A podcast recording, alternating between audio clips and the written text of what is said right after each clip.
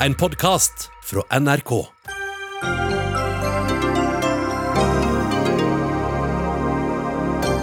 Det strider mot Grunnloven at helsebyråkrater kunne stenge Norge pga. smittefare, sier jurist. Nå må regelverket endres, krever SV, men regjeringen mener tiden ikke er inne. Konsert på konsert blir avlyst. Ordningene fra Kulturdepartementet fører til usikkerhet, mener manager Jan Fredrik Karlsen. Et nytt opprop vil ha bedre kjønnsbalanse i kunstverdenen. For kunsten er det kvalitet, ikke kjønn, som skal avgjøre, protesterer redaktør. Og norske styrker bør ikke trene i Midtøsten, mener Rødt, som vil at Norge sier opp avtalen med Jordan. Det skjer ikke, svarer forsvarsministeren.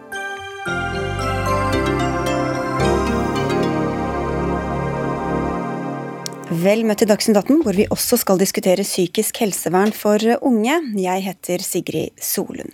Og vi begynner med de juridiske konsekvensene av koronakrisa. For var alle de norske smittetiltakene i våres eh, lovlige? En uavhengig kommisjon skal gå gjennom hvordan myndighetene håndterte krisa. Den skal levere rapporten sin i løpet av mars neste år, men de juridiske aspektene har du allerede gått gjennom, eh, Eirik Holmøyvik. Du er professor ved juridisk fakultet ved Universitetet i Bergen, og du har sett på hvordan smittevernloven er blitt brukt. Hva fant du da? Ja, først må jeg bare understreke at jeg snakker ikke på vegne av eh, koronakommisjonen. Men det som er sak her er at eh, Vedtaket 12.3 om å stenge utdanningsinstitusjoner eh, og virksomheter, altså nedstenginga av Norge, ble gjort av et underordna forvaltningsorgan, eh, Helsedirektoratet. Og Dette er fullt i samsvar med eh, smittevernlova, som regulerer denne typen tiltak. Men juridisk er det to problem med dette. Det ene er at det i Grunnloven er en regel som sier at viktige saker skal avgjøres av regjeringa i statsråd, og ikke underordna eh, forvaltningsorgan. Og som vi husker, eh, dette var jo de mest inngripende tiltakene som er gjort i fredstid. Det andre problemet er at på dette punktet så er smittevernlova helt i utakt med lovverket ellers, ved at den gir denne typen omfattende fullmakter til et forvaltningsorgan. Det normale er jo at denne typen inngripende tiltak eller denne typen kompetanse er lagt til regjeringa i statsråd. Jeg kan forklare eh, hvorfor det må være slik. Eh, grunnen til at regjeringa skal gjøre denne typen eh, vedtak, er at regjeringa er politisk og juridisk ansvarlig overfor Stortinget. Så Det gjør at det er lettere for Stortinget i ettertid å utøve demokratisk kontroll med regjeringa for vedtak gjort i statsråd, enn for vedtak gjort av et underordna eh, forvaltningsorgan. Så dette handler jo om eh, politisk ansvar for og demokratisk kontroll med avgjørelser som er viktige for nasjonen. Så smittevernloven er altså rett og slett i strid med Grunnloven? Ikke nødvendigvis, det kommer helt an på den type tiltak du vil iverksette. Men denne typen nasjonale eh, tiltak som er veldig inngripende, som griper inn i, i, i livet eh, til folk flest, og som har store økonomiske og sosiale konsekvenser, det er en type viktig sak som etter Grunnlova skal gå i statsråd. Mm. Men så er det viktig å legge til at Grunnlova er jo ikke tindrende klar på dette punktet. Men Burde da smittevernloven vært brukt på den måten? Altså det Ideelt sett, når vi ser dette i ettertid, når alt er rolig og en god tid til å vurdere Grunnlova, så er det lett å se at dette vedtaket skulle blitt gjort i statsråd. Men det er klart, i dagene før 12. mars, 10., 11., 12. mars, så måtte statsråden holde seg til det som var klart. Og Det som er helt klart, er at etter smittevernloven så skal Helsedirektoratet gjøre denne type vedtak. Eh, og Det er vanskelig å forlange av statsråden å holde juridiske seminar om forståinga av Grunnloven når han skal ta en avgjørelse der eh, det er usikkert og det haster. Du sa innledningsvis at du ikke snakker på vegne av koronakommisjonen, og lederen av kommisjonen, Stene Kvinsland, sier i et skriftlig svar til NRK at rapporten din ikke offentliggjøres før kommisjonen kommer da med sin samlede rapport i, mm, ved utgangen av, av, mars. Hva synes du om at dette skal ikke da offentliggjøres på så, såpass lang tid? Altså, jeg har jo forståing for at Koronakommisjonen har et veldig bredt mandat. og De skal vurdere alle sider ved styresmaktenes håndtering av eh, koronaviruset. Eh, og Det betyr at det vil være feil for dem å begynne å gå ut og diskutere enkeltspørsmål som dette eh, før de kommer med sin samla rapport. Så Jeg har forståing for at de velger å holde rapporten som helhet unna, unna offentligheten fram til de kommer med sin rapport. Men da vil den bli offentliggjort. Men vi tar jo ikke sånne hensyn, helse- og omsorgsminister Bent Høie. Vi hører her altså at smittevernloven kan brukes i strid med Grunnloven. Du sier at den ikke har blitt gjort det. Hvordan kan du være så sikker på det?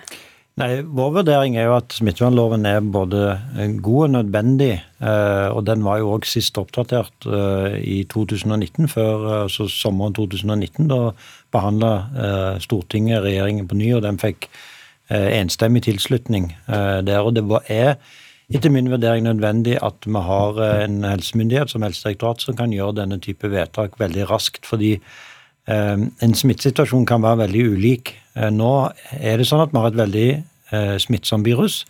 Eh, det er ganske farlig, men det er ikke veldig farlig. Hadde vi f.eks. hatt tilsvarende smittsomt virus som er like farlig som ebolaviruset, så tror jeg at mange ser at det er faktisk viktig at vi òg har en lov som er tilpassa ulike situasjoner. Og jeg mener at de tiltakene som ble innført da, var nødvendige den 12. mars. Og det, det kan det jo godt være enighet om, spørs, og vi kan jo diskutere om det bør være sånn. Men bare for å fastholde bitte litt ved det juridiske, hvorfor mener du at din juridiske forståelse er bedre enn det vi hørte fra professoren her? Ja, det er jo rett og slett fordi at eh, det er jo selvfølgelig sånn at når eh, departement eh, lager lover, når vi har høringsprosesser, når vi legger det fram for Stortinget, så gjør en jo òg den type vurderinger at det er tråd med Grunnloven, at det er tråd med menneskerettighetene og sånn, så dette har vært nylig vurdert. Men her kan en selvfølgelig ha ulike syn, og jeg, og jeg er veldig tydelig på at når vi har fått koronakommisjonen sin evaluering av vår håndtering, så kan det godt tenkes at òg en kommer fram til at dagens smittevernlov bør endres. Eh, men den bør ikke endres mens vi står i krisen, men vi kan godt diskutere det sånn som vi gjør her i kveld. Ja, la oss gjøre det, Audun Lysbakken, partileder i SV. For du mener at dette haster litt mer enn at vi skal vente på hele denne, denne konklusjonen. Hvorfor er det så hast? Jeg tror det er viktig å huske at de tiltakene som vi snakker om her, er veldig, eh, potensielt veldig inngripende tiltak som handler om eh, sterke begrensninger i norske borgere sine friheter og, og rettigheter. Og Da er det et eh, alvorlig tankekors at det kan reise spørsmål ved om dette ble gjort eh, i tråd med Grunnloven. Men viktigere enn det eh, også er jo spørsmålet om hva som er et godt lovverk for å møte den langvarige krisen vi nå er inne i. Og jeg mener vel at smittevernloven viste seg å fungere godt i møte med den akutte brå krisen vi sto oppe i i vår. Eh, men jo lenger denne krisen varer, jo mer problematisk blir mangelen på åpenhet og forankring. Vi har i realiteten en mindretallsregjering som har fryktelig mye makt helt alene i disse viktige spørsmålene. Eh, der det eh, er en utfordring knyttet til åpenhet og debatt rundt det faglige grunnlaget for beslutninger, og hvor det som i realiteten er politiske avveininger, kan gjøres av regjeringen alene, uten at man må søke et flertall i Stortinget. Ja, for det er jo Stortinget som er Ja, unnskyld, kom igjen, Lysbakken. Nei, Derfor så mener vi eh, at vi bør endre loven sånn at vi tar vare på handlekraften altså regjeringens mulighet til også å stenge ned deler av samfunnet, gjennomføre raske tiltak når det er nødvendig for å bekjempe smitte, men at de tiltakene så bør sendes til Stortinget til behandling etterpå. Eh, det er viktig for å sikre åpenhet. Jeg tror også at jo lenger krisen varer, eh, jo mer krevende det kan bli å holde oppe entusiasme og motivasjon og legitimitet i befolkningen, jo viktigere er det at vi får prøvd uenighet, at vi har en åpen debatt, og at man må søke søke en forankring hos et flertall av de folkevalgte. Ja, for de folkevalgte er jo der på vegne av oss og folket, da. Det er ikke sånn som det fungerer i dag. Så får folket mindre innsyn og mindre innflytelse, Høie. Nei, vi har jo full åpenhet eh, både om eh, beslutningen og beslutningsgrunnlaget. Og så er det jo sånn at eh, nettopp fordi at vi står i en mer langsiktig krise, så har jo regjeringen gjort det som for så vidt professoren her sier innledningsvis, nemlig vi har jo tatt tilbake de fullmaktene som eh, direktoratet har, og sagt at eh, beslutningene nå, altså etter 12.3, de tas av regjeringen og Kongen i statsråd. Eh, nettopp for å, å sikre at dette nå er en politisk håndtert. Og vi er jo til enhver tid ansvarlig overfor Stortinget. Og Stortinget både kontrollerer oss og har selvfølgelig også mulighet til å gripe inn hvis Stortinget er uenig i de beslutningene som er fatta i, i, regjeringen. Og så eh, mener jeg òg at vi selvfølgelig må ta den type diskusjoner som Audun Lysbakken her inviterer til. Eh, og det er en naturlig oppfølging av eh, koronakommisjonen, men det er jeg veldig uenig med SV det at vi nå skal endre lovverket mens vi er i en situasjon der vi håndterer krisen. Fordi det er ikke sånn at eh, all utvikling i denne saken nå er forutsigbar og kontrollert. Tvert imot. Vi kan veldig raskt uh, stå igjen i situasjoner der vi er nødt til å ta veldig store beslutninger på kort tid uh, for å hindre uh, at vi mister kontrollen på, på smitten. Og det å da skape uklarhet om lovverk, endre lovverket mens en håndterer krisen, det er jo den, det som alle som kan krisehåndtering, advarer veldig sterkt imot. Ja, hvorfor, eh, hvorfor vil du gjøre dette nå, Lysbakken? Det er fordi vi står oppi det som er en langvarig krise, og som kan vare veldig lenge ennå. Eh, og Hvis dette er en krise som skal pågå i et år, kanskje to år fremover, da kan vi altså ikke ha det sånn eh, at vi skal utsette enhver diskusjon om Nei, det. Men da ble det vel eh, først, i første rekke vi... mars da, at vi skal vente på denne utredningen som da kommer om bare noen måneder? Ja, men, men, husk på at det vi foreslår, er ikke eh, å redusere muligheten til å sette inn raske tiltak mot smitten. Ikke i det hele tatt. For vi vil at regjeringen skal ha akkurat de samme mulighetene til det som før. Men vi vil, eh, og det er mer i tråd med hvordan nabolandene våre gjør det, at de tiltakene, og da snakker vi om de mest inngripende tiltakene hvis det skulle bli aktuelt igjen, så skal sendes til Stortinget. Sånn at vi har en sikkerhetsventil, eh, og sånn at vi eh, unngår en situasjon hvor regjeringen sitter med all makt alene. Det tror jeg ikke er sunt hvis det får vare for lenge.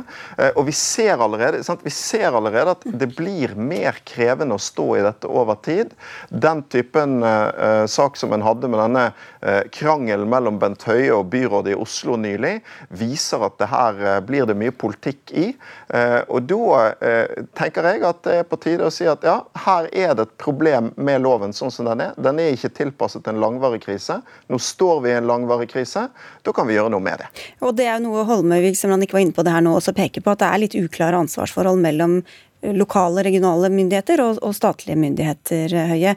Hvorfor er du så sikker på at sånn som det er i dag, at det fungerer eh, optimalt da, i denne situasjonen vi står i? Eh, nei, det er ingen av oss som kan være sikre på at det fungerer optimalt. Eh, tvert imot. Derfor er det så viktig at vi har en god evaluering. Men, Men er, veldig, er, det så inngripende å si at dette skal til bare, altså sikre at det skal til politisk behandling? Jeg er veldig overraska over at en kan være så skråsikker som Audun Lysbakken er, at han er i stand til å evaluere denne håndteringen nå Eh, og gjøre endringer i lovverk som faktisk berører de som håndterer krisen. Og det vil han gjøre midt mens vi står i krisen. Eh, det er eh, veldig enkelt sagt en oppskrift på å svekke vårt land sin mulighet til å håndtere en pandemi. Men, svekker det deres mulighet til å håndtere det bare ved å gi Stortinget den kontrollfunksjonen ja, de skal ha? Det som SV tar til orde for, er jo å endre å starte en lovprosess og endre den loven som nå er den viktigste loven for oss til å håndtere krisen mens vi står i krisen på bakgrunn av hva SV nå alene mener er et problem. Eh, det som jo er hele poenget når vi har en koronakommisjon som skal evaluere dette, er jo at vi faktisk skal få ulike synspunkter til ulike ting. Fordi denne og loven Da, da skal vi ikke vente i et år eller to med å diskutere det, er det det du nei, sier også? Jeg diskuterer det når som helst. Jeg stiller opp når som helst og diskuterer det. Men det må være klar over at denne loven er ikke lagd for covid-19. Denne loven er òg lagd for å håndtere andre helt eh, andre typer av situasjoner. Og det er veldig farlig å gjøre en endring i denne loven basert på den situasjonsbestemte opplevelsen Greit. som SV har akkurat nå. Ok, Da skal du få ti sekunder helt på tampen her, Lysbakken. Ja, Altså Det Bent Høie sier nå, er at det vil være alvorlig for pandemihåndteringen hvis han ikke får ha akkurat like mye makt som han har i dag. Eh, han må nesten da forklare oss hvorfor det skal svekke vår kamp mot covid-19 at Stortinget kobles inn som en sikkerhetsventil hvis regjeringen f.eks alene, som de gjør i dag, bestemmer seg for å stenge ned hele næringer eller eh, barnehager og skoler igjen. Jeg tror tvert imot det vil gjøre samfunnet vårt mer robust motor moteord for denne regjeringen i møte med denne krisen, for det sikrer legitimitet. Det er altså ikke sånn at det eneste som gir effektiv uh, smittebekjempelse, er at Bent Høie bestemmer alt alene. Det var ti lange sekunder. Vi får ta følge opp. Uh, det blir rikelig med anledning til det senere. Takk skal dere ha, alle tre. Uh, altså helseminister Bent Høie, SV-leder Audun Lysbakken og Eirik Holmevik, som er professor ved Universitetet i Bergen.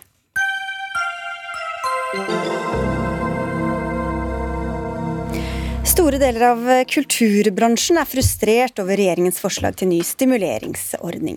I stedet for å kompensere for avlyste arrangementer, skal den belønne de som faktisk gjennomføres, men som likevel taper penger pga. smittevernreglene. Men ordningen bommer, sier flere, andre deg, Jan Fredrik Karlsen. Du driver eventbyrået All In og er manager for flere norske artister. Og hva er det som nå skaper så stor usikkerhet i denne bransjen? Altså, Gleden må jeg bare si Først, takk for at vi får lov å komme hit. Det er veldig hyggelig å få lov å snakke om det, og det er hyggelig at kulturministeren tar, tar, seg tid til å komme hit. Takk for det også. Eh, gleden var stor når vi etter sommeren satt og så på pressekonferansen til Abid Raja onsdag 19. august, hvor han kunne glede oss med at ja, det kommer til å finnes en ordning hvis dere kansellerer som er veldig flott. Den er ikke ferdig godkjent ennå, men hvis dere kansellerer, så finnes det en ordning. Men jeg ønsker å motivere kulturbransjen til å gjennomføre det dere har planlagt. Fortsett arbeidet. Vi skal kompensere. Dere må forholde dere til de smittevernreglene som fins når dere skal på veien, som i dag er 200 mennesker, sånn i utgangspunktet. Men gjennomfør det som er planlagt, så skal vi finne en kompensasjonsordning.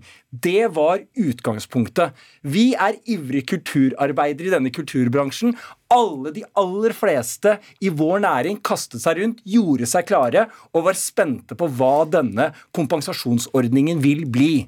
Ni uker etterpå så sitter vi her med et forskrift til en midlertidig tilskuddsordning for kulturarrangement som enda ikke er godkjent. Vi skal starte på juleturné med Kurt Nilsen, Norges største juleturné, om seks uker og én dag. Vi vet enda ikke hva vi har å forholde oss til. Ja, så Hva innebærer det når dere det, skal planlegge? Det innebærer at uh, for veldig, veldig, altså av de 30 største juleturneene som selger ca. 500 000 billetter, som omsetter for 150 millioner kroner, så er det store kostnader forbundet med å reise på turné. I mitt tilfelle så er det kostnadsaspekt på denne turneen på 10 millioner kroner. Vi jobber mot at vi skal gjennomføre, for vi vil møte publikum. Men hvis ikke vi vet hva vi har å forholde oss til, og Kulturrådet skal godkjenne søknaden Det betyr at mest sannsynlig kan ikke jeg reise på veien uten å vite hva vi har å forholde oss til. Potensielt kan jeg tape alle de ti millionene. Potensielt være konkurs. Ok, Så du vet ikke om du skal reise med en kassegitar eller med fullt band og lys og lyd? Ja, men kulturministeren ja. sa på pressekonferansen gjennomfør det dere har tenkt å gjennomføre. Og vi, fordi at hele næringskjeden skal ta del i dette alle kulturstedene, alle lyd- og lysleverandørene, alle ulike kulturhusene, alle som er en del av næringen. Og vi er forberedt og har lagd budsjett til å betale alle de, og vi vil ut! Kjære Abid, vi vil ut! Du må bare, må bare raske litt på! Ja, Kultur- og mangfoldsminister Abid Raja, hvordan skal de klare å gjennomføre når de ikke aner hva de skal forholde seg til? Eh, altså Aller først så må jeg si at eh, vi har jo laget eh, en rekke eh, kompensasjon- og stimuleringsordninger. Den første kompensasjonsordningen altså, som varer dette året her, er jo på 5,7 milliarder kroner. Så vi stiller opp med en del midler. Og fordi at bransjen ville jo ha en forutsigbarhet, så, lagde, så sendte vi allerede ut beskjed i august om at eh, det kommer til å bli en stimuleringsordning. Så er jo stort, så er det systemet er litt sånn, eh, og det er at Stortinget må si ja til hva regjeringen har fremmet av forslag, før vi kan begynne å lage forskrifter.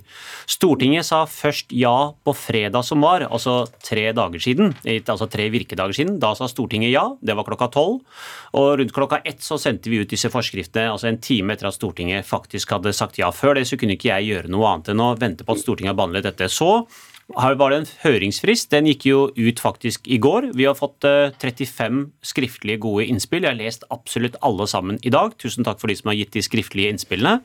Eh, og nå jobber vi for å raskest mulig saksbehandle de ulike innspillene, slik at den forskriften kan bli best mulig, slik at vi kan begynne å betale ut fra den stimuleringsordninga som de neste ni månedene kommer til å være på 4,1 milliarder kroner. Okay, kan jeg betydelige summer. Ja, det. Dette er en fantastisk flott politisk tale fra en strålende kulturminister med et godt engasjement og med gode tanker om dette. Virkeligheten er at vi trenger å vite Det er godt at du har satt av penger, for det er målsettingen, men vi ber ikke om at vi skal loppe statskassa for penger. Men vi trenger Du snakker om forutsigbarhet. Det fins ingen forutsigbarhet for oss. Når jeg sitter her i dag, om seks uker og én dag, så skal jeg potensielt risikere mitt selskap, og veldig mange andre i min bransje skal potensielt risikere sine egne penger uten å vite noen ting. Fordi vi, vi går jo ikke pluss ved å selge 200 billetter når vi kan vanligvis selge 7500 billetter i Spektrum. Og det er, vel, det er vel opposisjonen som har vært mest utålmodig her, Raja. Så skylder du på Stortinget for at de har somla? Nei, altså for det første så må jeg bare si at eh, jeg jeg skjønner veldig godt Carlsen sin frustrasjon. Og jeg skjønner godt at man ønsker at stimuleringsordningen skal komme raskt på plass.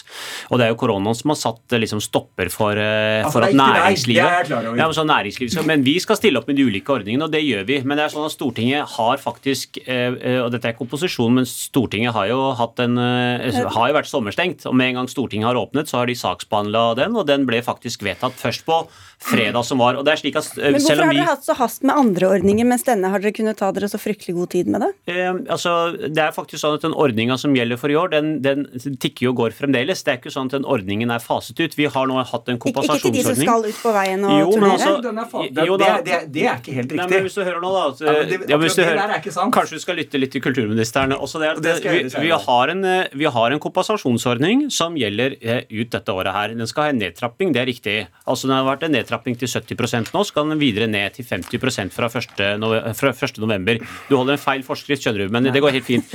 Også, også, men, også, men også nummer to, nummer to, når det gjelder stimuleringsordninga Ja, det er den vi diskuterer. Ja, det er den jeg prøver å fortelle. da, altså Stimuleringsordninga, altså På fredag sa Stortinget ja. To timer senere var forskriften ute. Tirsdag i går gikk høringsfristen ut. 35 eh, høringsinnspill har kommet. Men kan jeg bare få, etter, kan jeg bare få lov til altså, Jo, men Du snakker om så mange andre ting. Hva skal Karlsen, ja, hva skal andre gjøre ja, i hans, i hans ja, tilfelle? Kan, kan bare fortelle? Vi skal på turné okay. som starter om seks uker i en dag. Kulturrådet skal behandle søknaden. Mm. Når når skal vi vite hva vi faktisk skal søke på, og hvor lang behandlingstid kommer Kulturrådet til å bruke, slik at jeg vet om det ordet som du selv brukte, forutsigbarhet. Hvordan er det tenkt å skje? Ok, så bra. Det er vanskelig å få ordet her i konkurranse med Carlsen, men jeg kan, si at, eh, altså jeg kan si at eh, jeg skjønner at jeg vil gjerne ha en ordning på plass allerede i dag. Eh, og det jeg kan si er at vi jobber på spreng for å få den ordninga opp og går, slik at dere kan gjennomføre disse julekonsertene. For det er ingenting mer vi ønsker, nettopp at man faktisk får disse julekonsertene. Vi ønsker Jeg er veldig glad for altså, Så når kommer, det, når kommer, det, på plass? Når ja, som jeg sier, altså, som jeg, hvis dere, hvis dere hørte litt etter, da, så sa jeg at i går gikk høringsinnspillsfristen ut. Vi har fått 35 grundige innspill. De har jeg lest i dag. Nå skal vi saksbehandle dette for å se hvordan vi kan få forskriften opp og går. Det jeg kan si til Karlsen, er at det kommer ikke til å gå en ekstra dag enn det som er nødvendig. For poenget med den forskriften hvis jeg kan si én setning, og det er at denne, denne her denne forskriften skal ikke bare treffe Karlsen, den skal Nei. treffe bredden av kulturliv. Og det er det jeg er for. Det er veldig mange i min situasjon. Så prøvde jeg å fullføre et resonnement, og det var at altså, det er bredden av kulturliv. 35 som har gitt skriftlig innspill. Det skal treffe bredden av landet, og vi skal bruke Absolutt. disse fire milliardene for å, for å stimulere men, til aktivitet i kulturen, frivilligheten og idretten. Okay, da, og derfor er det viktig at vi gjør den jobben grundig, slik at den faktisk, slik at det faktisk bidrar til stimulering. Hvordan skal det bli stimulert? Da må vi vite hva vi har å forholde oss til, og når. Ja, det det får du ikke noe svar på. Men, men, det jeg også lurer på, er jo dette med Kulturrådet, som da skal foreta skjønnsmessige vurderinger, ha fokus på kunst og kulturpolitiske mål. Hva, hva innebærer det? Hvordan skal liksom, denne bransjen forholde seg til hva, hva, i alle dager det vil si når de da søker om penger? Ja, altså For det første så er det sånn at jeg har hørt den kritikken i dag at eh, altså, ordningen ikke treffer. Så vil jeg si at altså, Vi har betalt ut allerede fra disse ordningene. Ja, men kan du ikke forholde deg til det vi spør om i stedet for? En del milliarder kroner har faktisk blitt betalt ut av ordningene. Så ordningene treffer, det er det ene. Og det andre er at det er viktig at når vi stiller opp med disse midlene, så er det av hovedsak for tre årsaker at vi, vi lager nye stimuleringsordninger for kultursektoren. Det ene er jo fordi at dette er en næring, viktig arbeidsplass for mange. De, de, altså de, de skaper jo arbeidsplasser, og, og, og de, genererer inntekter. Derfor Absolutt. stiller vi opp med en ordning. Ja. Så er det også, hvis jeg får lov til å si, uh, fullføre noe her, og det andre er at ja, men men du svarer ikke på vi skal gjennom midlene som vi stiller opp med, når vi stiller opp med midler eh, fra offentligheten sin side, så har man også noen kulturpolitiske mål som skal oppfylles. Når vi stiller opp med midler fra statskassa, så er det for å bidra til at vi får en bredde av kulturliv som treffes av en stimuleringsordning, ikke bare én aktør. Og det er helt fantastisk! Deg, Alt du sier, men, ja, Fredrik, fantastisk. Det jeg kan love deg, er at ja. uh, om ikke lenge så har vi saksbehandla ferdig disse høringsinnspillene, og mm. da vil du være ganske fornøyd med at vi ikke har brukt lang tid fra Stortinget sa ja, for det var sist på fredag, til vi er klare med en men stimuleringsordning. Men da fordrer det også, i mm. tillegg til det, at Kulturrådet skal behandle den, den søknaden og vi må få et svar før vi reiser på veien. For du kan vel ikke mene Og det er mitt mål. Og det Ja. er mitt mål er at man skal, eh, altså man skal ha eh, tilsagn på søknadene sine, eh, Mhm. slik at man har forutberegnelighet i forhold til at man kan begynne å planlegge. Og alle Det er andre lever jo vi også skal med en veldig stor uforutsigbarhet I her, aller Karlsen. høyeste grad, og det skal vi ha stor respekt for at det gjør. Og dette her, igjen, dette handler mer om og faktisk altså Vi sitter en stor bransje, en hel kulturbransje. Det fins masse interesseorganisasjoner, bl.a. NEMA, som jeg er en del av, som har kommet med innspill. Men det har gått ni uker. Vi har dessverre ikke Nei, fått lov lov å har- komme ja, med men- innspillene før nå. Og vi skal ut på veien. Det er bedre, altså, å, si, det er bedre å si til oss få, ikke dra på tur, for det er ikke penger til det. Ja, altså, når vi, altså, vi hadde, altså Faktisk så hadde vi et åpent innspillsmøte med media til stede. Så har jeg vært i fortløp... Mandag 24. Jan Fredrik, kan, kan jeg snakke nå? Greit. For det første så hadde vi et åpent innspillsmøte med aktørene, hvor de ga sine innspill. Så har vi vært i fortløpende dialog med aktørene, både jeg og hele Kulturdepartementet. Og det var på fredag Stortinget sa ja til dette. mm. og To timer etterpå var vi ute med forskriftene. Nå gikk altså høringsrunden ut. Ja. Nå skal vi lage disse det forskriftene. Ja. Hvis du gir meg et par dager, Yes. så er vi i mål. Ikke sant? Altså, to dager! Vi kommer tilbake hit om to dager, og det gleder jeg meg til. kan også være fire, men vi må gjøre dette grundig, for det må treffe flere enn deg. Det skal treffe det bredden av kultursektoren. derfor jeg sitter her, fordi at det skal ikke bare treffe meg. gjør den jobben Det grundig. Og ordentlig. Nå snakker allmuen med hverandre. Da tror jeg vi sier takk, og så ses vi på fredag, da. Ble det, var det sånn det ble? Takk skal dere ha, begge to.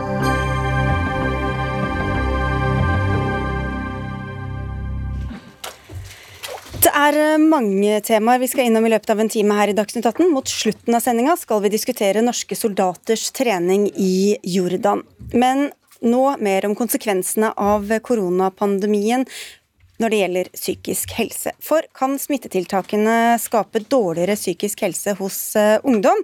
Og hva slags tilbud får de egentlig, de barna og ungdommene som eh, trenger hjelp? Mens Verdens helseorganisasjon frykter at eh, koronapandemien kan føre til store mentale helseproblemer på sikt, er det norske Barneombudet kritisk til de store forskjellene i det psykiatriske hjelpetilbudet til barn og unge. Og du er opptatt av begge deler, lege Charlotte Lunde. Du har ti år bak deg innen barne- og ungdomspsykiatrien, og du skriver i en kronikk i Aftenposten og Samtiden at du er bekymret for at de mentale helsekostnadene av koronapandemien kan bli langt høyere enn de infeksjonsmedisinske. Hvordan merker dere som jobber i psykiatrien følgene av den pandemien vi står oppi? Altså, dette er jo et sammensatt eh, problem. eh, og Nå jobber jeg på en eh, DPS, på en sengepost, hvor vi ser at, at folk bryter sammen, på en måte. Og sengeposter er gode steder for pasienter med psykiatriske problemstillinger å, å få hjelp. For det jeg peker på i, i kronikken, som jeg tror er viktig, det er at dagens tjenestetilbud innenfor psykisk helsevern ikke er rigget for å håndtere det behovet som vi også vil se kan komme. Ikke sant? Altså, eh, og det er sammensatt eh, på mange måter, men det er to rapporter rapporter også denne uken. En fra Barneombudet og en fra noe som heter Forandringsfabrikken, som er en brukerorganisasjon. Og De peker begge på det samme, at hjelpetilbudet er fragmentert, det er underfinansiert, og det når ikke frem til mange av de aller sykeste som dette skal være ment for. Og da kan det forsterkes av isolasjon og depresjon, Og f.eks. Ikke sant? Og dette problemet med flokken. Vi er alle relasjonelle vesener, på en måte. Eh, Og det eh, som vi nå opplever, er at vi alle sitter mer isolert i hjemmene våre. Og de som har det dårlig, uten nettverk, uten venner og kanskje en dysfunksjonell familie, der eh, er det vanskelig å benytte seg av det hjelpetilbudet som er Ja, i hva slags hjelpetilbud er det? Hvordan vil du beskrive det hjelpetilbudet som er? Eh, altså, man har jo en, eh, en barne- og ungdomspsykiatrisk poliklinikk som på mange måter er bygget opp etter en voksen modell, ikke sant? og etter et somatisk finansieringssystem, der man tenker at barn er små voksne som må utredes for sin psykiske lidelse, og når de er ferdig utredet, så kan vi tenke hva slags behandling de skal få. Denne utredningen kan ta tid, og i dette tilfellet har man jo også fått pakkeforløp som kanskje kan være eh, til hjelp for noen, men problemet er at med økende sjekklister og pakkeforløp og kategorisering, så blir man mer opptatt av disse sjekklistene enn av å se det mennesket man har foran seg som man skal hjelpe. Og for de aller sykeste, de ungdommene som Altså det er ikke realistisk å tro at en 15-åring med rusproblemer og depresjon, og som kanskje opplever vold og overgrep hjemme, skal kunne nyttiggjøre seg et poliklinisk tilbud der han møter opp og skal sitte og snakke med en fremmed dame om hva som er problemene hans. Så her handler det også om å lage en, eh, en, finansieringsmodell og en tjeneste som er bedre rigget for å møte det behovet som vil komme. Vi eh, hadde helse- og omsorgsminister Bent Høie her tidligere. Han takket nei til å diskutere dette i dag, men du sa ja, Mari Holm Lønseth, eh, medlem av helse- og omsorgskomiteen på Stortinget. Du representerer Høyre. Hva, er, du, er du enig i virkelighetsbeskrivelsen her? Ja, mye er jeg enig i. Jeg er også veldig bekymra for mange av de barn og unge som nå kanskje sliter mer psykisk enn før. Vi vet jo at det var veldig mange barn og unge som slet psykisk før denne pandemien. Og det å være mer ensom, det å være mer isolert, det får nok ganske store konsekvenser. Og jeg tror i den tida vi er gjennom nå, så må vi også være bedre til å snakke med hverandre, ta vare på hverandre, og også se dem som er, rundt oss. Og det er jo veldig mye vi har gjort for å gi barn og unge bedre psykisk helsehjelp. Men jeg mener at den, det som sies her, og de rapportene som også har kommet ut her, viser at vi har mye å gjøre. Og jeg tror Noe av det viktigste vi kan gjøre, er jo å sørge for at mange av de barna som det snakkes om her, får tidlig forebyggende hjelp, sånn at man også kan gi best mulig hjelp i psykiatrien dem som trenger det aller mest. Og Men, der er det jo mm, Nei, Der er det jo veldig mye som er gjort, bl.a. i kommunene. Man har sørga for å styrke opp skolehelsetjenesten, som er tidlig dør inn. Man har sørga for at alle kommuner skal ha psykologkompetanse, som gjør at nå har 90% av alle kommunene psykologkompetanse. Og det er også over 2500 ekstra årsverk i kommunene nå knytta til psykisk helse og rus. Det mener jeg at det er veldig viktig også for at folk skal få tilhjelp. Ja, Så da har det skjedd en del ting da, Lunde? Eh, ja, eh, det har nok det, men jeg tror at dette er jo ikke øremerkede midler. sånn at uh, veldig mange kommuner vil jo omprioritere disse midlene på andre måter. Og et annet viktig poeng er jo ja, lavterskeltilbud, det trenger vi, men innenfor dagens finansieringsmodell så er det vanskelig å være arena fleksibel for en del av de helsetjenestene som allerede fins. De må på en måte innordne seg til et poliklinisk tilbud på, på, modell etter voksenvarianter. men en annen viktig ting det er at de som er aller sykest, de som ikke klarer å komme seg til poliklinikken, de havner i barnevernet. Og de får ofte ikke den spesialistkompetansen de virkelig trenger. Det har vi også diskutert tidligere her, men la oss prøve å være helt konkrete her til hva, hva slags tilbud som faktisk ville vært det beste. Ingvild Kjerkol, du er helsepolitisk statsperson i Arbeiderpartiet. Hva vil dere gjøre annerledes for at denne gruppa skal få best mulig tilbud? Nei, Vi mener at vi må tenke helt nytt omkring eh, det psykisk helsetilbudet som møter barn og unge. Og Barneombudet er veldig tydelig denne uka på at eh, tilbudet er for lite fleksibelt. Og da må vi oppnå fleksibilitet. Det gjør vi ikke med den endringa som dagens regjering har gjort, hvor de har innført markedsmodeller for å finansiere tilbudet hvor koding av aktivitet også påvirker hvordan behandlerne kan rigge tjenesten. Eh, vi mener at eh, Altså dette standardforløpet som vi snakket om, da? Ja, men du skjønner at inntil 2017 eh, så var barne- og ungdomspsykiatrien, eller all psykiatrien, den var såkalt rammefinansiert. Da får du en pott med penger, og så skal du løse problemene, og så må fagfolkene ta det ansvaret. Når du innfører det som heter innsatsstyrt finansiering, så er det koda aktivitet som finansierer tjenesten. Dette er Arbeiderpartiet veldig imot. Vi mener at det ikke ikke tjener pasientene, og at det heller ikke gir fagfolkene muligheten til å utøve et fleksibelt skjønn og innrette tilbudet sånn at de hjelper hvert enkelt barn med ulike behov. Ja, det... Og Jeg har et eksempel jeg har lyst til å trekke fram. Eh, jeg kommer fra Trøndelag, og i gamle Nord-Trøndelag, nå er jo ikke eget fylke lenger, så etablerte man et veldig fint tilbud som heter Forsterka skolehelsetjeneste. Det var egentlig det som rapporten til Barneombudet heter, BUP i en koffert. Da var behandlerne fra barne- og ungdomspsykiatrien ut på de videregående skolene, og elevene kunne tegne seg for inntil fem avtaler hver. Så man laga egentlig et lavterskeltilbud med spesialister i front. Og det må det lønne seg å jobbe på den måten. Det gjør det ikke med den endringa som regjeringa har gjort, så det er vi veldig imot. Men hva er den endringa? Hva, hva, er liksom de forskjellene her mellom dere? Si det, det først. Altså for I statsbudsjettet så legges også penger i en opptrappingsplan for barns psykisk eh, helse, hvor man bl.a. har sånne FACT-team som ligner litt på det Kjerkol kanskje beskriver. Men Nei, det, det, som var, et av, det som var, det som var et, et, av problemene når vi tok over i 2013, var jo at ventetidene til behandling var for lang. Man måtte gjøre noen endringer som sørga for at man fikk folk raskere til behandling. Derfor så har man sørga for at man også får penger basert på antall pasienter man har. Det har bl.a. ført til at ventetida for barn og unge mm. som skal inn til eh, denne og sånne gruppa med barn og unge med psykisk helse, ventetida er nå åtte dager kortere Men som også kan føre til at man skrives ut fortere, fordi da skal andre inn igjen, og så blir man kanskje ikke helt ferdig behandla før man er ferdig. Man må sørge for at de har god nok, et godt nok tilbud, og det skal vi selvfølgelig sikre og følge opp. og Det er jo derfor man bl.a. har innført det som heter pakkeforløp. Det Arbeiderpartiet sier at de er mot. Det som gjør det at man skal få Arbeiderpartiet må få lov til å si hva vi er for og ikke, for det går veldig dårlig når Høyre sier det.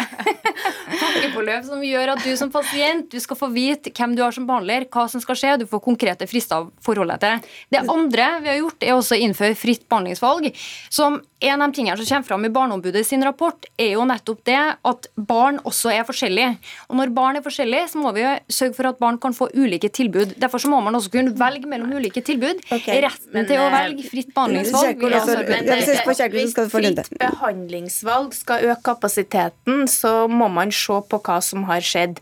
Fritt behandlingsvalg det er bare en liten andel av alle de pasientene som går gjennom psykisk helsevern i vår felles helsetjeneste. Så det vil ikke løse problemet.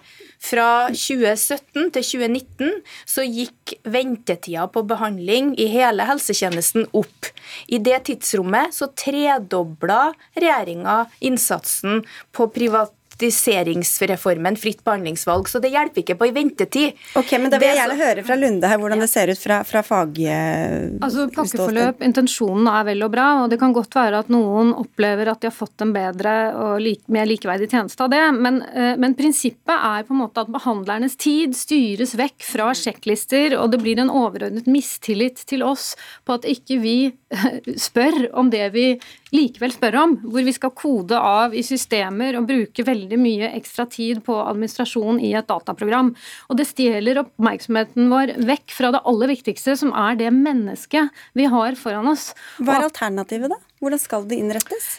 Uh, altså Det finnes alternativer til pakkeforløp. Uh, og Det gjøres mye godt arbeid i dag i helsetjenesten, men poenget er liksom hvordan den er rigget og hvordan man tenker, hvordan rammefinansieringen er, gjør at det blir veldig vanskelig å tenke kreativt, tenke arena fleksibelt, hjelpe barn og unge der hvor de faktisk er. Så må ha mer penger, er det det du sier? Ja, den er underfinansiert sånn som det er også. Det er jo også et av poengene, at den er ikke rigget. Det er allerede ressursproblemer i den helsetjenesten som er for barn barn og unge nå, og det vil ikke bli noe bedre med korona, tvert imot. Vi, vi, mener at vi må gjenreise den faglige tilliten til behandlerne som skal hjelpe de, de barna og, og, de ungdommene som trenger hjelp. Følger det penger med, da? Ja, det gjør det. Eh, vi vil prioritere sykehusbudsjettene høyere. Nå har jo eh, sykehusene sjøl laga en rapport på hva de trenger til neste år for å ivareta smittevern. Men Mye av dette for... handler jo ikke om sykehus, men også om andre, mange andre tilbud? Barne- og ungdomspsykiatrien mm. er jo en del av spesialisthelsetjenesten vår, og dermed en del av sykehusbudsjettet. Det som skjer i kommunene, der må vi ha mer lavterskeltilbud. Det mener Arbeiderpartiet at burde vært lovpålagt. Og til alle disse kommunepsykologene som Høyre har nå lovpålagt kommunene, veldig få av dem driver med pasientbehandling. Det må vi være klar over. De er administrative og bidrar mer til å planlegge, sånn at også den kompetansen er med inn i de ulike tjenestene. Okay. Ja. Vi har prioritert å styrke sykehusbudsjettene, vi har prioritert også å styrke dette området, men jeg mener at det er mye også som gjenstår. Det handler rett og slett om at man må ha flere lavterskeltilbud. Det er veldig mye som er gjort. Pasientene må i mindre grad oppleve å være en kasteball. Det er også årsaken til at man har innført pakkeforløp.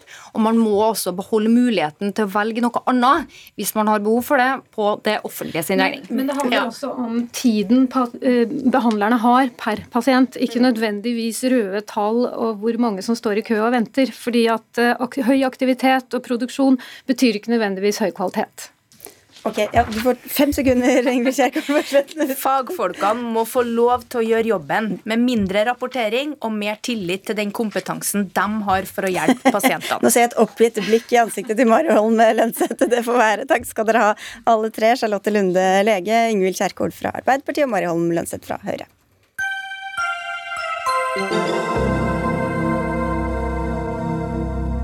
Mannlige kunstnere blir oftere innkjøpt og til høyere pris enn verk fra kvinnelige kunstnere blir. Et opprop om å få mer likestilling i kunsten vil gjøre noe med disse skjevhetene. Og du er initiativtaker Marie Louise Sunde, du er daglig leder av likestillingskampanjen Equality Check, og sier til Aftenposten at uh, ubevisste strukturer gjør at kunstlivet fortsatt er mannsdominert. Hvilke utslag får det, mener du? Det, vi, vi, har gjort en undersøkelse nå på kunstsamlinger i Norge, både stiftelser og museer eh, og private samlere, og ser at de er veldig skjevfordelte. Så på museens side så er det ca. mellom 90% og 80% av verkene er av mannlige kunstnere.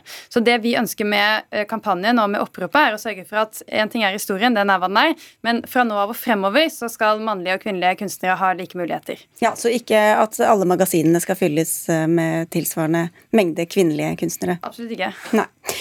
Dan Buchoy, sjefredaktør i kunstmagasinet Subjekt. Du er kritisk til denne måten å tenke på, egentlig, så vidt jeg forstår. Hva er overordnet problemet med denne kampanjen? Det er at man eh, skylder på noen metaforiske skylapper, og så erstatter man den med noen nye kontraktsfestede skylapper som gjør at eh, kunstfaglige eh, komiteer ikke lenger ser kunst av høyest kvalitet, men når det faktisk gjelder, vil se etter 50-50 kjønnsbalanse. Det jeg er mest imponert over, er, at, er hvordan Equality Check har lest sin egen forskning, fordi det kom jo frem der at de siste fem årene så er det så å si likestilt mellom kvinner kvinnelige og mannlige innkjøp til både samlinger og hvordan de stilles ut. Så at eh, de ønsker å eh, pålegge dette som krav på noe som har kommet av seg selv, eh, syns jeg er en unødvendig og svært dyr pris å betale for noe som har kommet av seg selv. Da. Men er det noe som tilsier at kvinnelige kunstnere er dårligere enn mannlige kunstnere? Absolutt ikke. Så hvorfor skulle middelmådigheten da trumfe? Som du sier i for, din jo, egen tekst? Jo, fordi at f.eks. For Nasjonalmuseet nå da, har kjøpt inn 78 eh, kunst av eh, kvinnelige billedkunstnere i år. Henny Jonstad, som har kjøpt inn eh, verk de siste fem årene, så har de kjøpt 75% kvinner. Det ville jo vært utrolig synd og ganske kvinnediskriminerende, syns jeg, dersom disse hadde signert på disse, dette oppropet, som Henny Jonstad allerede hadde gjort. fordi da må de utbalansere det ved å kjøpe inn flere menn. Det vil si, de vil se etter mannlige kunstnere. Og det at kunstneren har laget et verk, er mann, det er ingen kunstner kunstnerisk kvalitet. Så det vil være kjønnsdiskriminerende og kontraproduktivt, tror jeg, da. Mm. Det vi er ute etter i oppropet, det som står helt spesifikt der, er at man i løpet av en femårsperiode skal ha en 50-50 omtrent fordeling. Det er det ingen av museene som har, ingen av samlerne som har heller. Og det er en veldig stor spredning. Noen har nesten ingen kvinner som er innkjøpt, og noen nærmer seg 50% men på ingen måte alle. Eh, vi er veldig lite redd for at kunsten skal bli kvinnedominert. Hvis vi da bruker Nasjonalmuseet som et eksempel som vi eh, kan høre fra direkte. Heller, altså. Eh, også så er det en samling på 50 000 verk. 5000 av dem er kvinner. De siste årene så har vært kjøpt inn i snitt 40% kvinner. og de siste siste året da litt mer. Men det ville tatt, hvis man skulle gjort et tankeeksperiment på hvor lang tid tar det før Nasjonalmuseet er likestilt, så er det 200 år fremover man bare kjøper kvinnelige kunstnere. Så at, uh, argumentet med at, uh, at, kunsten blir kvinnedominert, den er ikke vi så er, bekymret for. Det men det vi ser, er at in ingen endring av dette har gått av seg selv. Det er ikke riktig at det er sånn at alle i dag kjøper 50% kvinner. Og hvis de gjør det, så er det helt uproblematisk å signere oppropet, for da er man allerede i mål på det. Det er ikke helt uproblematisk for noen som helst kunstnerisk komité å signere på et slikt dokument. Og så er jeg veldig kritisk til at museer og samlere skal gå i taktfast marsj all den tid museene skal samle på kunst som kritiserer osv. Med det argumentet om at likestilling er viktig, så kan man jo også lage et dokument som man sender til signering hos alle museer og sier at nå skal kunsten handle om klima fordi at jorden går under osv. Det er eh, utrolig farlig å pålegge sånne krav til kunsten og kunstneriske komiteer. Hvorfor skal vi ha eh, komiteer med så høy kunstfaglig utdanning til å velge ut kunst dersom vi bare legger legger alt det til side for å kjønnsbalansere i stedet. Eh, og så sier du at dette skal gjøres utover en femårsperiode. Det endrer ingenting. Eh, fordi at eh, uansett om du, Et tiltak er et tiltak uansett om du smører det tynt utover fem år eller om du gjør det akkurat nå. Så jeg har heller ikke sagt at Og du sier jo også at poenget her ikke er å balansere historien. Det hadde blitt for dumt, rett og slett. Men mm. i det hele tatt så er det et krav da, som pålegges kunstfaglige komiteer. Dere skal få ordet en gang til, men ja. vi skal til deg først, Karin Hinsbo. Du er direktør ved Nasjonalmuseet. Dere har ikke skrevet under på dette oppropet oppropet. Hvorfor ikke? Um, nå har vi jo øh, jobbet med dette øh, over lang tid, og det er på agendaen indefra i Nationalmuseet, øh, og det har det vært i, i flere år. Øh, jeg kan bare nævne 2010, der var to store utstillinger øh, på Museet for Samtidskunst, netop dedikeret denne problemstillingen, og egentlig også øh, de kvinnelige kunstnere i, i vår samling. Så dette er noe som, som vi jobber med Dere trenger det ikke, rett og slett? Jeg synes jo, altså Er det vigtigste egentlig at institusjonene signerer på et opprop, eller at de jobber efter de kriteriene indefra? Det er, det er altså et spørsmål jeg synes er verdt å stille. Og så har vi veldig mange hensyn å ta i Nasjonalmuseet. Vi har en stor samling på 400 000 gjenstander. Den spenner fra antikken og frem til i dag, og den spenner over arkitektur, kunst, kunsthåndverk og design, øh, og ja, samtidskunst og eldre og moderne kunst. Så der er mange ulike hensyn vi til enhver tid øh, skal ta. Men, øh, men jeg kan si, jeg synes det er viktig at man får satt fokus på dette. Jeg synes det er utrolig viktig at der kommer disse diskussioner i ny og ne. Altså, den største ble jo satt i gang i 1985 med Guerilla Girls, ikke sant? som noen år etter de satte i gang i denne her diskusjonen rundt kunstsamlingene og, og, og de temporære utstillinger, sådan fordelingen av dem. Så stilte de jo spørsmålet om man egentlig skal være naken for å få lov til å komme inn på uh, The Metropolitan Museum of Art. Og det har det noe å gjøre med at uh, hvor mange uh, kvinnelige kunstnere der egentlig var representert i samlingen, og så i forhold til hvor mange kvinner der var i de her nakenstudier. ikke sant? Så den her, og det, men det har jo faktisk gjort noe, for på det tidspunkt var det jo ikke den samme fordeling. Nei, så bevissthet, Du slår et slag for bevissthet, men hva ville det fått å si hvis dere i praksis skulle tenke på denne måten, da? At i løpet av en femårsperiode så skal det være ca. 50-50 innkjøp. Ikke bare det, men også pengebruk og arealbruk på disse kunstverkene. Temporærutstilling, da, ikke ja. på fast utstilling for Nasjonalmuseet. Ja, for vår samling går jo veldig langt tilbake. Det blir utrolig vanskelig ja, for oss. Det skal, det skal, ikke gjelde for det som allerede er innkjøpt, men det som men skal det er jo noe vi jobber med. og Hvis man tar f.eks. Museet for samtidskunst i perioden fra 2003 til 2017, da det stengte ned, så hadde man faktisk en 50-50 fordeling. Da risikerer du kanskje, Sunde, å støte fra deg egentlig flere enn det du trekker til deg, hvis, med tanke på den, det arbeidet som allerede gjøres? Altså vi, eh, Nasjonalmuseet har gjort et kjempebra arbeid, og det er veldig kult. Eh, og det er en del som har begynt å tenke på det, men ikke alle. Så det vi egentlig etterspør i det her, er at man skal kunne forplikte seg, ikke bare jobbe med det, men forplikte seg over en lengre periode til å i fremtiden vise kvinner og menn i like stor grad på de temporære utstillingene, ikke på de faste utstillingene, eh, og, og gjøre innkjøp. Og hvis man allerede gjør det, så tenker jeg at ikke det er så uproblematisk å signere den type ting. Så vi håper jo at enda flere Nå er det noen museer som har signert, Astrid Fearnley og Henny onsdag. Eh, og så ønsker vi selvfølgelig alle flere museer og samlere velkommen til å signere. Men til det overordnede som Choi er inne på, altså det å skulle he hele tiden ha på seg disse brillene når man vurderer å telle hvor mange Å nei, nå har vi ikke plass til den. Altså, hvor, hvor konstruktivt er det egentlig? Det at man skal ha flere tanker i hodet samtidig, det bør man ha. Vi eh, har jobbet mye med likestilling og ubevisst diskriminering i ma mange sammenhenger. Argumentet med at vi ser ikke på eh, kjønn, f.eks., vi ser bare på kvalitet, det kommer igjen igjen og igjen. Og veldig ofte som en underliggende hvis vi skal ta inn kvinner, så må vi senke kvaliteten. Det har blitt sagt i mange områder. Det ble sagt på 1880-tallet, da kvinner skulle få studere medisin. Det ble sagt i 2008, da vi skulle ha kvinner i styrene. Og så snakkes det om da nå når man snakker om likestilling i kunsten. Jeg er ikke så bekymret for det, men jeg tror det er viktig å ha Altså, jeg er ikke bekymret for at det skal redusere eh, kvaliteten i det hele tatt. Jeg tror det er veldig viktig å ha på de brillene, hvis ikke så kommer dette på ingen måte til å, å redusere. Så det vi ønsker, er at man skal ha like muligheter, uh, uavhengig av hvilken type kunstner man er. Så altså like konkurransepremisser er det vi etterlyser også i kunsten. Ja, ja. Jeg bare sier at Ifølge den undersøkelse der var i Kunst i tall i 2013, der er det jo faktisk over 70% av de utøvende kunstnere der er kvinner. Så det vil si hvis man skal samle inn representativt for den tiden vi lever i, så må man jo faktisk øh, samle inn øh, flere kvinner, øh, bare for å få det sagt. Og så vil jeg si i forhold til kvalitetskriteriene ikke sant? Vi er så redd for at det kan gå på bekostning av kvalitet når vi skal ha noen spesifikke fokus.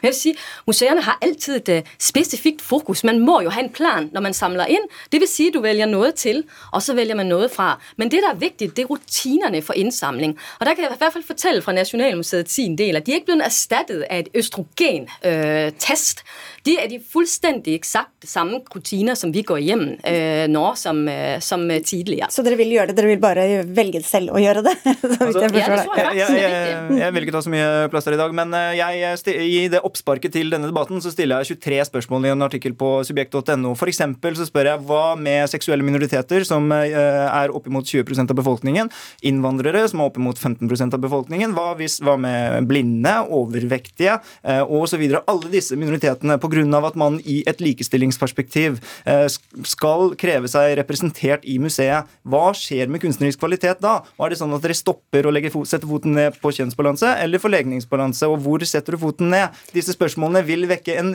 rekke etiske diskusjoner som gjør kunstnerisk kvalitet helt idiotisk mm. å snakke om. Men hva er kunstnerisk kvalitet? Kan mangfold ikke være et kvalitetskriterium? Nei, eh, en, mangfold er jo ikke en kunstnerisk eh, kvalitet. Det er en eh, demokratisk kvalitet, selvfølgelig, som museene også har et oppdrag om å gjøre. Men kan det ikke være et kvalitet i måten man jobber på, at man f.eks. går systematisk tilbake og prøver å få inn noen av de faktisk ekstremt flinke kvinnelige kunstnere der har vært historisk? Jo, jo, jo, men det er oppropet her jeg er, det er oppropet her jeg er kritisk til. Da. kvalitet som menn. Ja, ja, ja, absolutt. Men, men, det hadde vært synd da hvis man signerer dette oppropet, fordi da kunne ikke kunsten vært skapt av 78% kvinner i år. Da hadde man jo brutt kontrakten. Det, det, kunne den absolutt. Da bryter du ikke kontrakten. Ja, men da er, det jo, da er det jo utrolig dårlig stil og veldig selvrettferdig å skrive den eh, kontrakten. da, Hvis man sier at menn kan ikke overveie, men det kan kvinner. Ja, det, det, Så jeg tror liksom være, man spenner ben på seg selv her et sted. Det skal være like muligheter fremover, eh, og det går Bortsett over noen fra hvis Nei, det er kvinnen. Ikke, men det går over noen år, så det er ikke per år. Ja, så du må ha en ja, men det endrer ingenting. Jeg skal innføre apartheid, ja, men heldigvis utover en femårsperiode. Det hjelper jo ingenting. Jeg, jeg, jeg syns det er helt strålende å ha denne her typen debatt. Nei, men jeg blir så fornøyd, fordi det er utrolig viktig for oss hele tiden å bli konfrontert med den jobben vi gjør i Nasjonalmuseet. Altså, det er faktisk en veldig alvorlig oppgave å ta på oss og samle inn til øh, kommende generasjoner. Så jeg er glad at man får stilt de her spørsmål. Jeg er glad for oppropene. Altså, det er veldig bra for oss. Så keep it coming. Vi er også glad. Takk for et keep it coming fra dere også. Takk skal dere ha, alle tre. Marie Louise Sunde, Karin Insbo og Dan Bilchoy. Hør Dagsnytt 18 når du vil. Radio NRK Radio.nrk.no. Og her skal det handle om de norske styrkene i Midtøsten, som deler av opposisjonen mener de ikke har noen ting der å gjøre, og kommer med kraftig kritikk av regjeringens militære samarbeidsavtale med Jordan. Den norske styrken består av operatører fra Forsvarets spesialkommando og helikoptermannskaper fra 339-skvadronen. De var der i 14 dager i september, og skal tilbake flere ganger de neste fem årene. Og sammen med SV krever dere at forsvarsministeren redegjør for Stortinget, Bjørnar Moxnes. Du leder Rødt. Hvorfor mener dere at disse styrkene må hjem fra Jordan for godt? Det er av flere grunner. Altså det første er at Begrunnelsen oppgitt i hvert fall saken på NRK på søndagen var at det var gjøre for å trene på ørkenkrig. Eh, og Det er jo få ørkenområder å forsvare i Norge, så begrunnelsen er litt, eh, litt merkelig. Det andre er at vi tror at eh, Norge øker spenningen ved å sende militære styrker ned til Midtøsten framfor å dempe spenningen. Så vi har ingenting der å gjøre sånn sett. Så Det tredje er jo at det var en stor politisk strid i Norge eh, om Bell-helikoptrene eh, for ett år siden. De er viktige for beredskapen i nord, eh, for forsvaret vårt. Og det var en stor kamp om å egentlig beholde disse helikoptrene i Nord-Norge. Ble flytta ned til Gardermoen for å kunne bistå spesialstyrkene, var jo begrunnelsen. Nå havner de altså i Jordan. Så Det er etter vårt syn eh, ganske spesielt at eh, vi istedenfor å beholde helikoptrene i nord som dedikert støtte til, til hæren der oppe og for beredskapen, i stedet er med på å trene på ørkenkrig tar, i Jordan. Det ja, syns vi er litt spesielt. De to første uh, argumentene henger jo sammen, Frank Bakke-Jensen, forsvarsminister. Hvorfor skal norske Eh, soldater holder på i, i, Jordan og øve der? Ja, Det er flere grunner til det. Altså, det grunnen til at vi nå var med spesialstyrkene og øvde i Jordan, det er at vi har en logistikkbase som, som uh, supporter de styrkene vi har i Irak i, i, i koalisjonen mot ISIL. Uh, det er en grunn til at vi er nede i, i Midtøsten. Eller mange grunner. En grunn er jo at vi har vært med og bekjempa uh, terrororganisasjonen ISIL territorielt sammen med, med, andre nasjoner. Så er det sånn at vi, har, vi skal gi spesialstyrkene våre den beste mulige eh, måten å trene på, forholdene å trene på. Og det å stille opp med, med varmt, øh, tørt og støvete klima i Norge er problematisk. Mm. Når de da skal beherske ørkenoperasjoner, ørken, så er de nødt til å trene der det er. Ja, for det, det, det, Argumentene dine Moxnes, er jo egentlig argumenter i det hele tatt mot generelt å være i utlandet. Er, gjelder det på alle områder, også f.eks. i kamp mot IS? Nei, Det gjelder jo ikke fredsbevarende operasjoner i FN-regi, f.eks. som vi gjorde i Libanon. Det kan, være, det kan være, Hva sier du? Må vi ikke også øve på sånne operasjoner? Jo, naturligvis må vi det, men dette er jo snakk om at vi øver på ørkenkrig med et arabisk diktatur. Eh, og etter hva jeg skjønner, så er det viktig dersom vi skal delta i flere kriger da, i ørkenlandskapet. Det har vi vært med på. Vi har vært med på eh, krigen mot Libya, en gigantisk fiasko. Også i Afghanistan. Ødeleggende for befolkninga, ødeleggende for landet. Så hvis vi har som formål at styrkene våre skal forsvare Norge best mulig, så bør det jo eh, for det første være lokalisert i Norge. Eh, for det kunne bidra i beredskapen i nord. Dette vet jo Bakke-Jensen ganske mye om, at det er viktig, disse helikoptrene, for befolkninga i nord.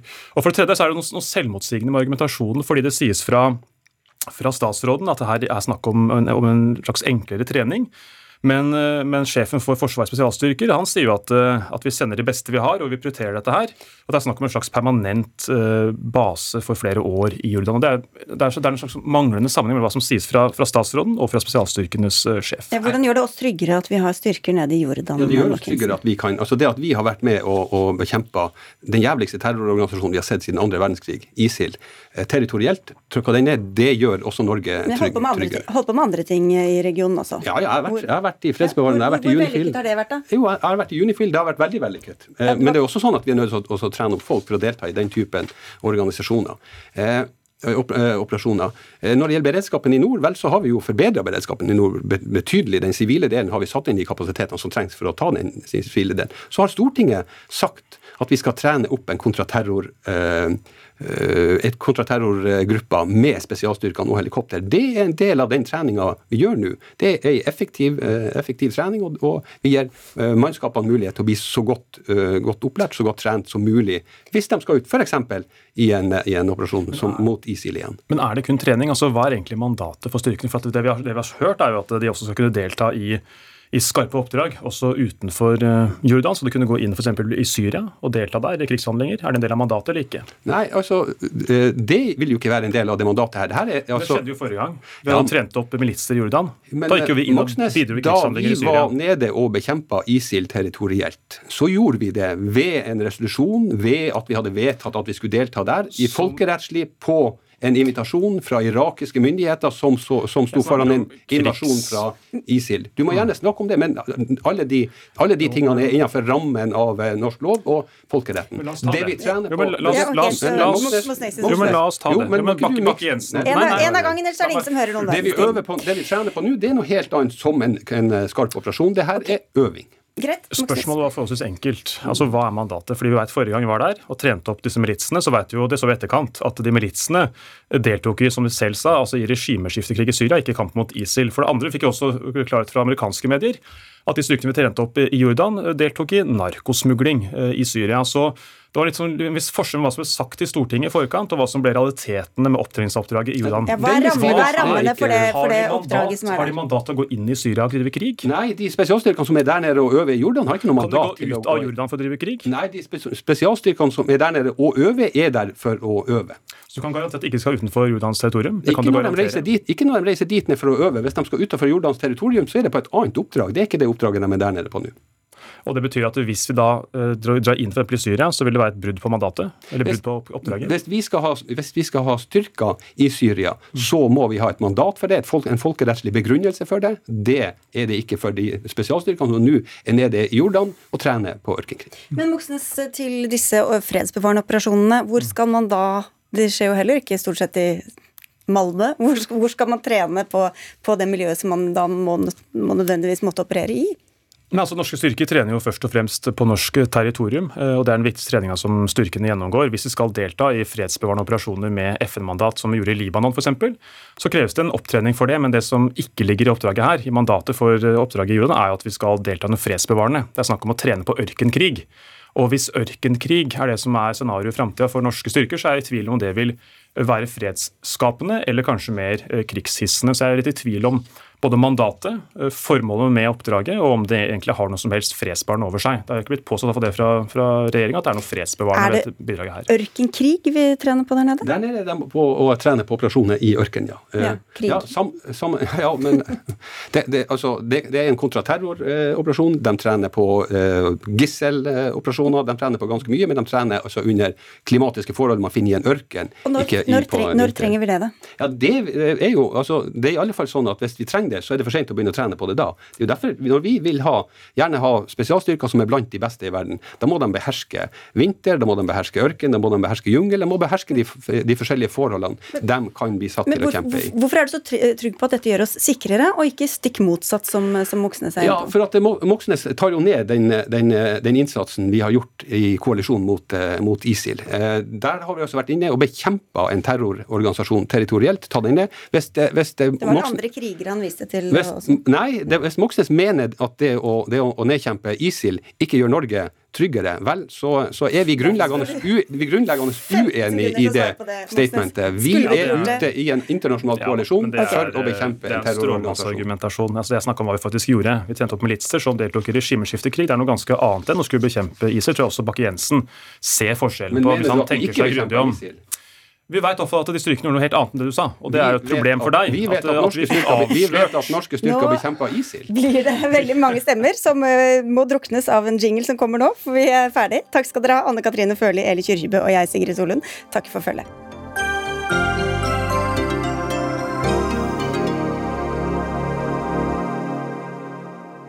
Du har hørt en podkast fra NRK. Hør flere podkaster og din favorittkanal i appen NRK Radio.